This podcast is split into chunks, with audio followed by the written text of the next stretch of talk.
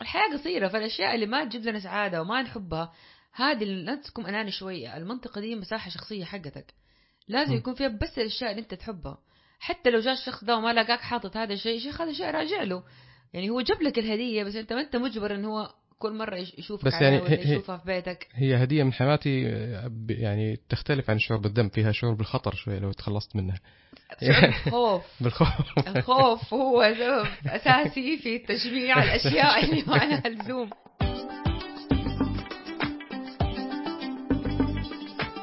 أنتم تستمعون إلى بودكاست إثراء. يقدم لكم هذه الحلقة محمد بازيد. صندوق من المعرفة مفتاحه ماذا لو. Like many of you, I was stuck. No, you can't die from insomnia. I'd flip through catalogs and wonder what kind of dining set defines me as a person.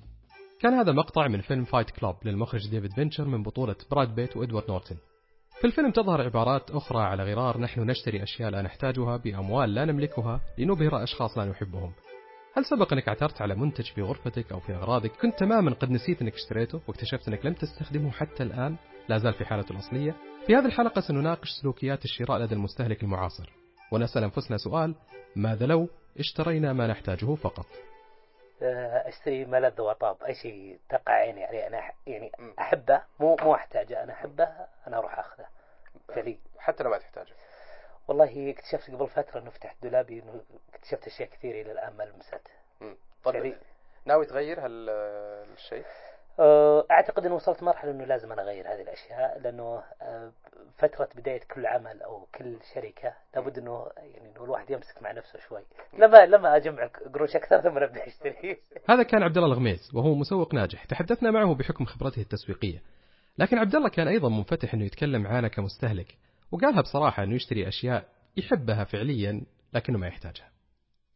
الشراء بدون حاجة لكذا سبب بس أسباب الأسباب الظاهرة الواضحة للناس دائما اللي هو ال emotional shopping واحد يكون متضايق التسوق العاطفي نقدر نترجمه أيوه مو عارف شو يسوي يروح يحط حره في الشراء. يشتري أشياء ما يحتاجها عشان يعني يديله إحساس بالراحة إنه عمل شيء سوى شيء جديد اشترى لبس جديد وممكن ما يدري عنه بعدين ترمي في كيس ولا في الدولاب ولا يعني لي أي شيء. يعني معقولة كل اللي في المولات الحين هذول كلهم عندهم عندهم مشكلة تسوق عاطفي؟ لا مو كلهم بس كثير. دكتورة مي حكيم طبيبة أسنان لكنها معنا هنا بصفة مختلفة راح نعرفها في هذه الحلقة.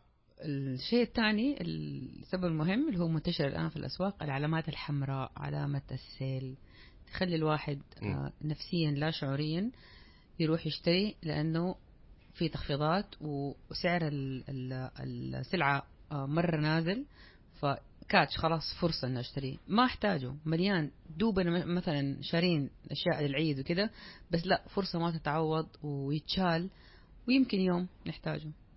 العلامات الحمراء زي ما تسميها دكتورة مي هي شكل واحد فقط من أشكال التسويق. لذلك لا يمكن أن نغفل دور التسويق ككل في شرائنا لمنتجات لا نحتاجها. بضرب لك مثال. مم. أمس فعليا والله. أمس كنت أسولف عن عن سيارتي اللي أنا ماخذها.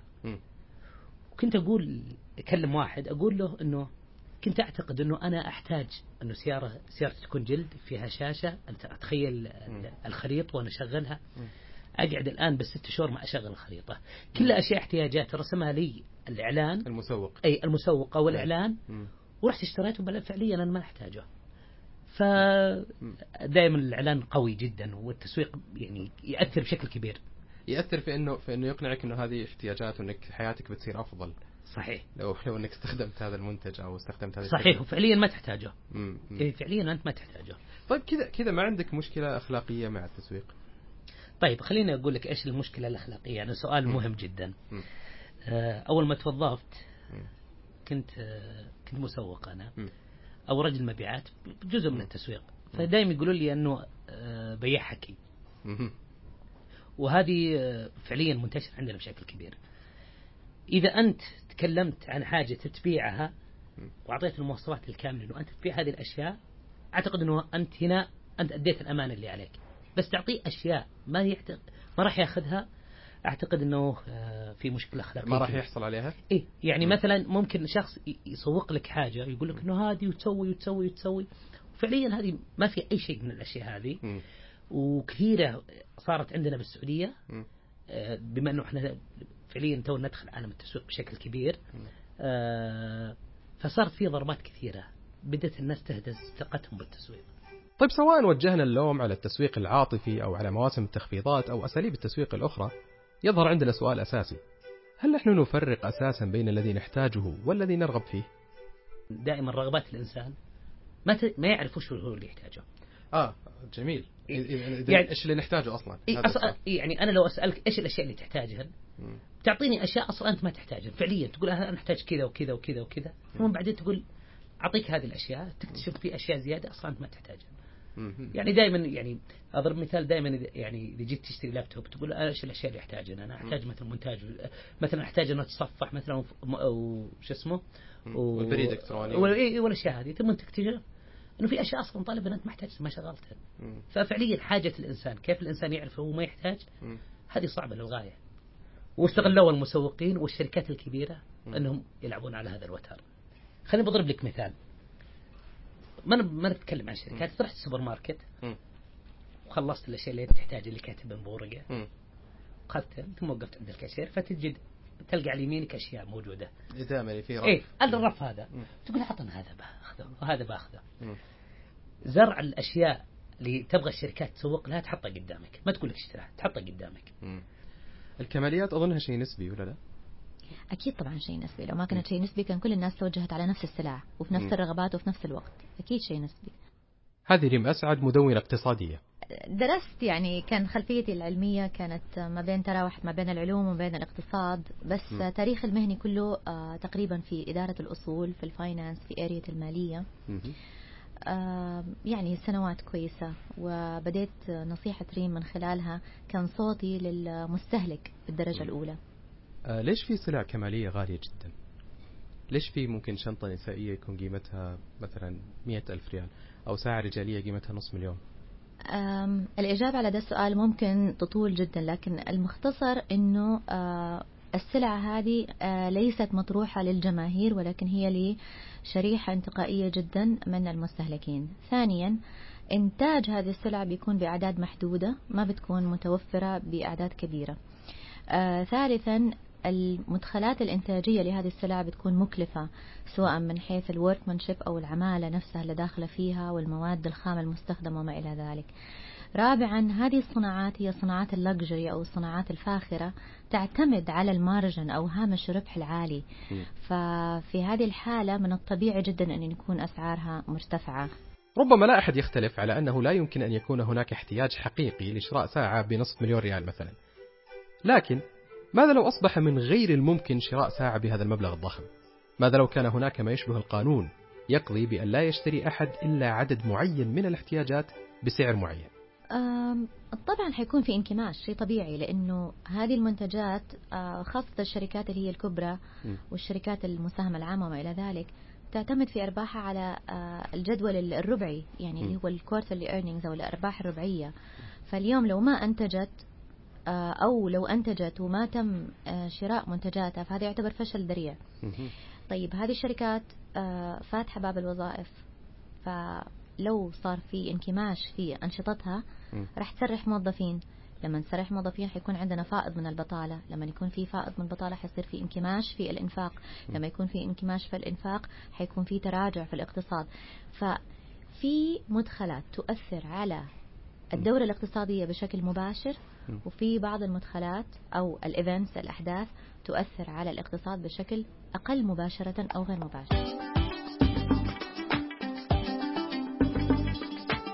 لو جينا فعلا نبغى نعرف إذا نحتاج كل شيء في حياتنا خلي storage area عندك في البيت مساحة تخزين. أو مساحة تخزين وهذه المساحة كب فيها أو رحل لها كل شيء ما بتستخدمه ما استخدمته لمدة ستة أشهر مم. لو تعبّت هذه المساحة بعد الستة شهور هذه حتعرف أنه أنت بالفعل عندك قدر من الكماليات لا تحتاجه. اللي تتكلم عنه ريم أسعد هنا تخصصت فيه الدكتورة مي حكيم كمشروع شخصي وأصبحت تقدم خدمات للأفراد اللي يرغبون بمراجعة سلوكهم الاستهلاكي. اولا إذا أنت أصلا بتستخدم كل هذه الأشياء equally مهم. زي ال fashionistas خليك على هذا ال lifestyle. ما عندك آه ما. في مشكلة. لا بتهز الاقتصاد لا حقك ولا حق أي أحد ولا. بتعمل clutter في العالم. المشكلة في إنه تتراكم الأشياء عندك وتتخزن مم. و- و- وما تستخدم ولا تستهلك لا من قبلك ولا من قبل غيرك. آه فالمشكلة إذا مو إنه ليش تشتري المشكلة انه إنه ليش تتراكم أيوه إذا أنت عندك فلوس تبي يكون عندك أربع سيارات fine. لو عندك سيارات أتمنى مصدية ومغبرة إن شاء الله يا رب. مصدية ومغبرة وقاعدة في جراجات لأنه غيرك بيستخدمها لأنك تبرعت فيها لأحد لأنك بعتها واستفدت من فلوسها. ولا شيء. هي سؤال ليش تاخذ مساحة في هذا العالم. اللي يعني بيختنق في المساحات. من غير داعي طب خليني خليني أعكس السؤال. لو أنا جيت مثلا قلت okay دكتورة مي ساعديني في إنه أنا أتخلص من كل الأغراض اللي أنا محتاجها؟ أنت ممكن تساعديني طبعا صح؟ هذا هو شغلي. آه جميل. هذا آه، كيف. كيف بيمشي الموضوع بالضبط؟ طيب آه هي مقابلة مدتها 30 دقيقة مع تبدأ مي حكيم بمقابلة مع الشخص اللي يرغب في الخدمة تتعرف من خلالها على السبب اللي خلاه يستعين فيها. تعرف تفاصيل عن تاريخ الأشياء اللي تجمعت في البيت من وين جات ليش هي مصدر قلق لهذا الشخص وليش قرر إنه يبدأ يتخلص من أشيائه. ثم بعد كذا يقسموا الأغراض الموجودة على عدة أقسام. تلاقي أشياء مقسمة. عندك ملابس كتب. مطبخ مسلينيس أشياء عشوائية مم. بعدين أشياء السنتمنتال اللي هي الأشياء اللي فيها ارتباط عاطفي مهم. بطاقات معايدات رسا- رسائل قديمة أشياء كلها مجمعة كلها ذكرى ذكرى تفكرك بأشياء معينة طيب جميل قسمنا الأغراض إيش بيصير بعدين؟ أنا already توترت يعني حاسس إنه الموضوع في أحد قاعد بي أنا أنا ما أحب أحد كذا يجي يلمس أغراضي وأظن كثير من الناس مو بس أنا فعلا فعلا مم. كثير من الناس إيه. صح ففيها فعشان- جرأة، فعشان فيها- فعشان كذا لما يجيبوا أحد it's a paid service على العموم فعشان. كذا لما خدمة مدفوعة okay لما يجي أحد زيي بيعمل لهم الخدمة دي بالساعة م. ليه بيحس إنه مسموح لك تمسك م. لانك انت زي زي الدكتور مهم. يعني ما أنت شخص من البيت أعرفك وتعرفني وحضغط عليك بي وأقول لك إيش أنت أصلا طول عمرك تلملم أصلا دي اشتريتها على الفاضي. لا لا no judging بعد تقسيم الأغراض في مجموعات تقوم مي بمواجهة صاحب هذه الأغراض مع هذه المجموعات. مثلا ملابس أعطيك خلاص واحد example آه عشان أسهل عليك. الملابس كلها اللي موجودة تخصك أنت في البيت كله.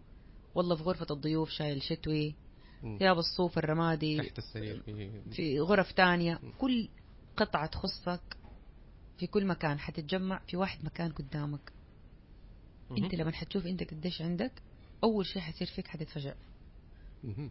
غير طبعا القصص ال ال شفتي ردة الفعل هذه كثير. طبعا طبعا القصص الثانوية حقت يا الله هذا فين كان؟ هذا قعدت أدور عليه هذا فين هذا صار لي ثلاث سنين فين كانوا حاطينه؟ تكتشف إنه عندك أشياء ما أنت عارف إنها كانت موجودة ورحت اشتريت زيها لما تزنقت وكنت مسافر. واضطريت تشتري لأنك أنت ما أنت عارف إنها موجودة. هذه فائدة أخرى تقولها مي حكيم عن الخدمة اللي تقدمها وهي الجرد كل ما عرفت إيش هي الأشياء اللي عندك ووين أماكنها كل ما قلت احتمالية شرائك مستقبلا لأشياء مكررة أو أشياء ما تحتاجها وللاستفادة الكاملة من هذا الجرد قدمت الدكتورة مي نصيحتين تتبعها بعد ذلك النصيحة الأولى أعلى أرفف في الدواليب في التخزين أعلى أعلى منطقة هذه تنساها إكس عليها وما تستخدمها ولا في شيء إلا لو عندك ناس يجوا يباتوا عندك من الرياض المشرقية مرة في السنة مم. تحط فيها آه.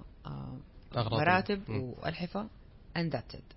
الشيء اللي فوق هذا منسي منسي منسي. معناته أنا ما أحتاجه فعليا طالما هو في أعلى منطقة بعيدة. وأنت راميه عشان أنت ما تشوف ولا عمرك حتو تفتكر ولا حتوصل تفتكر في يوم إنه أنت هذا المكان حاطط فيه شيء. والنصيحة الثانية متعلقة بالترتيب ومعرفة أماكن الأشياء. فأماكن التخزين تساعدك طريقة ترتيبها وترتيب الأشياء فيها تساعدك إن أنت خلاص ما تضيع. أشياء كلها قدامك. آه كل شيء عندك ليبلد عندك علب في المكتب مثلا في المكتبة مكتوب عليها هذه ألوان حقت الأولاد هذه مقصات مم. و- وغرا وكذا. خلاص ما كل شيء يكون منظم. أنت ما حد حتحتاجني ولا حتحتاج أحد. أنت عارف إنه الشيء يرجع مكانه. هذه من ال teachings الأساسية. إنه إنك تفرض على كل شخص في البيت مستخدم شيء يرجعه مكان ما أخذه. بهذه الطريقة عمرك ما تجي في يوم تبغى مشرط وتتزنق وما تلاقي وتبعت السواق وتجيب من المكتبة. وتيجي يوم الجد تلاقي عندك ست مشارط وأربع مقصات. تقول مي أن هناك ثلاثة أسئلة يمكنك أن تسألها نفسك لمعرفة إذا كان غرض معين مطلوب وجوده لديك أم لا؟ السؤال الأول. أنت هل كنت فاكر أو مستوعب فين الشيء ده وعارف مكانه؟ والسؤال الثاني. متى آخر مرة لبسته وشفته؟ والسؤال الثالث. هل أنت تحبه؟ هل يعني يدي لك إحساس بهجة لما تلبسه كده وعارف كيف لما تكشخ في شيء وتحس نفسك تحبه إذا كانت الإجابات على هذه الأسئلة إجابات سلبية فربما يتعين عليك التخلص من هذا الغرض إحنا نسميه عطاء ما نسميه. تخلص جميل اي جميل. يعني. تخلص آه، يعمل إحساس بالألم للإنسان إنه يا الله أنا حرميها في الزبالة. اشتغلت واشتريتها بفلوس و- أو بعضها ماركات وأشياء قيمة مجرد إحساسك إنه دي حتبدأ قصة ثانية في بيت ثاني في مكان ثاني عند أشخاص ثانيين. محتاجينها ممكن يستخدموها حيعطيك إحساس الريليف كده إنه طيب أشوى حسبت يعني ما أدري أحسن حنوديها. من الماء يعني حيكون لها قصة أفضل من قصتها معايا حاليا. اللي تدعو له دكتورة مي يرتبط بمفهوم ال minimalism أو التبسيط. إبقاء الممتلكات المادية على حدها الأدنى. لأنه ما في أحد يحتاج أكثر من كذا. وهذا يخلينا نرجع للسؤال اللي طرحناه من قبل. ماذا يحدث لو كل الناس صاروا كذا وما حد يشتري إلا الشيء اللي يحتاجه فقط؟ عرفنا أنه هذا راح يأثر على الاقتصاد. طيب هل الناس قادرين أصلا على تغيير سلوكهم الاستهلاكي بهذا الشكل؟ في مستهلك عنده طبع. لو كان في يده آه، مال متوفر أو وفير راح ينفق. وفي مستهلك مهما كان عنده access لل capital أو عنده يعني إمكانية مم. راح يمشي على يا إما خطة يا إما طبعه إنه هو مو بطبيعته مستهلك. في بعض الناس أعتقد إنهم آه، يقدرون يوقفون. وفي يعني في نوعية معينة تقدر توقف هم مخلوقين كذا إنهم يقدرون يوقفون يشترون أي شيء يعني طبيعته عنده إرادة أقوى مثلا؟ اي اي عنده يعني هو مخلوق إنه كذا إنه أنا ما أشتري شيء لا نحتاجه إذا مهما تعددت وسائل الضغط من أساليب تسويق، تنوع المنتجات اللي بإمكانها أن تجلب لنا سعادة، أو حتى توفير السيولة لتدعيم عملية الشراء من خلال بطاقات الائتمان وغيرها من طرق التمويل، يبقى قرار الشراء لدى الإنسان نفسه، ويبقى هناك أناس تميل إلى الإنفاق بطبيعتها، وأناس تميل إلى الاقتصاد. سواء كنت من النوع الأول أو الثاني، يظل بإمكانك أن تكون مستهلك ذكي. تبحث كثيرا عن معلومات حول العروض والمنتجات، هل هذه العروض تتكرر وبإمكانك أن تؤجل الشراء لوقت لاحق؟ تقرأ المراجعات اللي نشروها متسوقين غيرك هل المنتج فعلا مميز ومن الضروري شراءه الآن كل هذه أشياء راح تساعدك في تأجيل قرار الشراء وغالبا تأجيل قرار الشراء قرار حكيم لما يطلع لك مثلا نوع مسك غير شكل مدري. وأنت دوبك شاري مسك ومره مبسوط فيه مم. بس لا يمكن هذاك. في ميزة أفضل. حطه في بالك أنا بقول ما هو غلط. إنك تشوف ذي الإعلانات وتغريك وتعتقد إنها رهيبة ما هو غلط. أه، سجل الاسم عندك وال brand ولما اللي عندك يخلص أو تزهق منه وتقرر تديه لأخوك اللي أصغر روح أنت اشتري غيره. انتهت حلقتنا. في المرة الجاية اللي راح أشوف فيها إعلان لمنتج أو لافتة حمراء مكتوب عليها sales أو تخفيضات أو حتى الأغراض اللي عندي في البيت راح يكون عندي منظور جديد. بفضل ضيوفي لهذه الحلقة فشكرا لهم وشكرا لاستماعكم.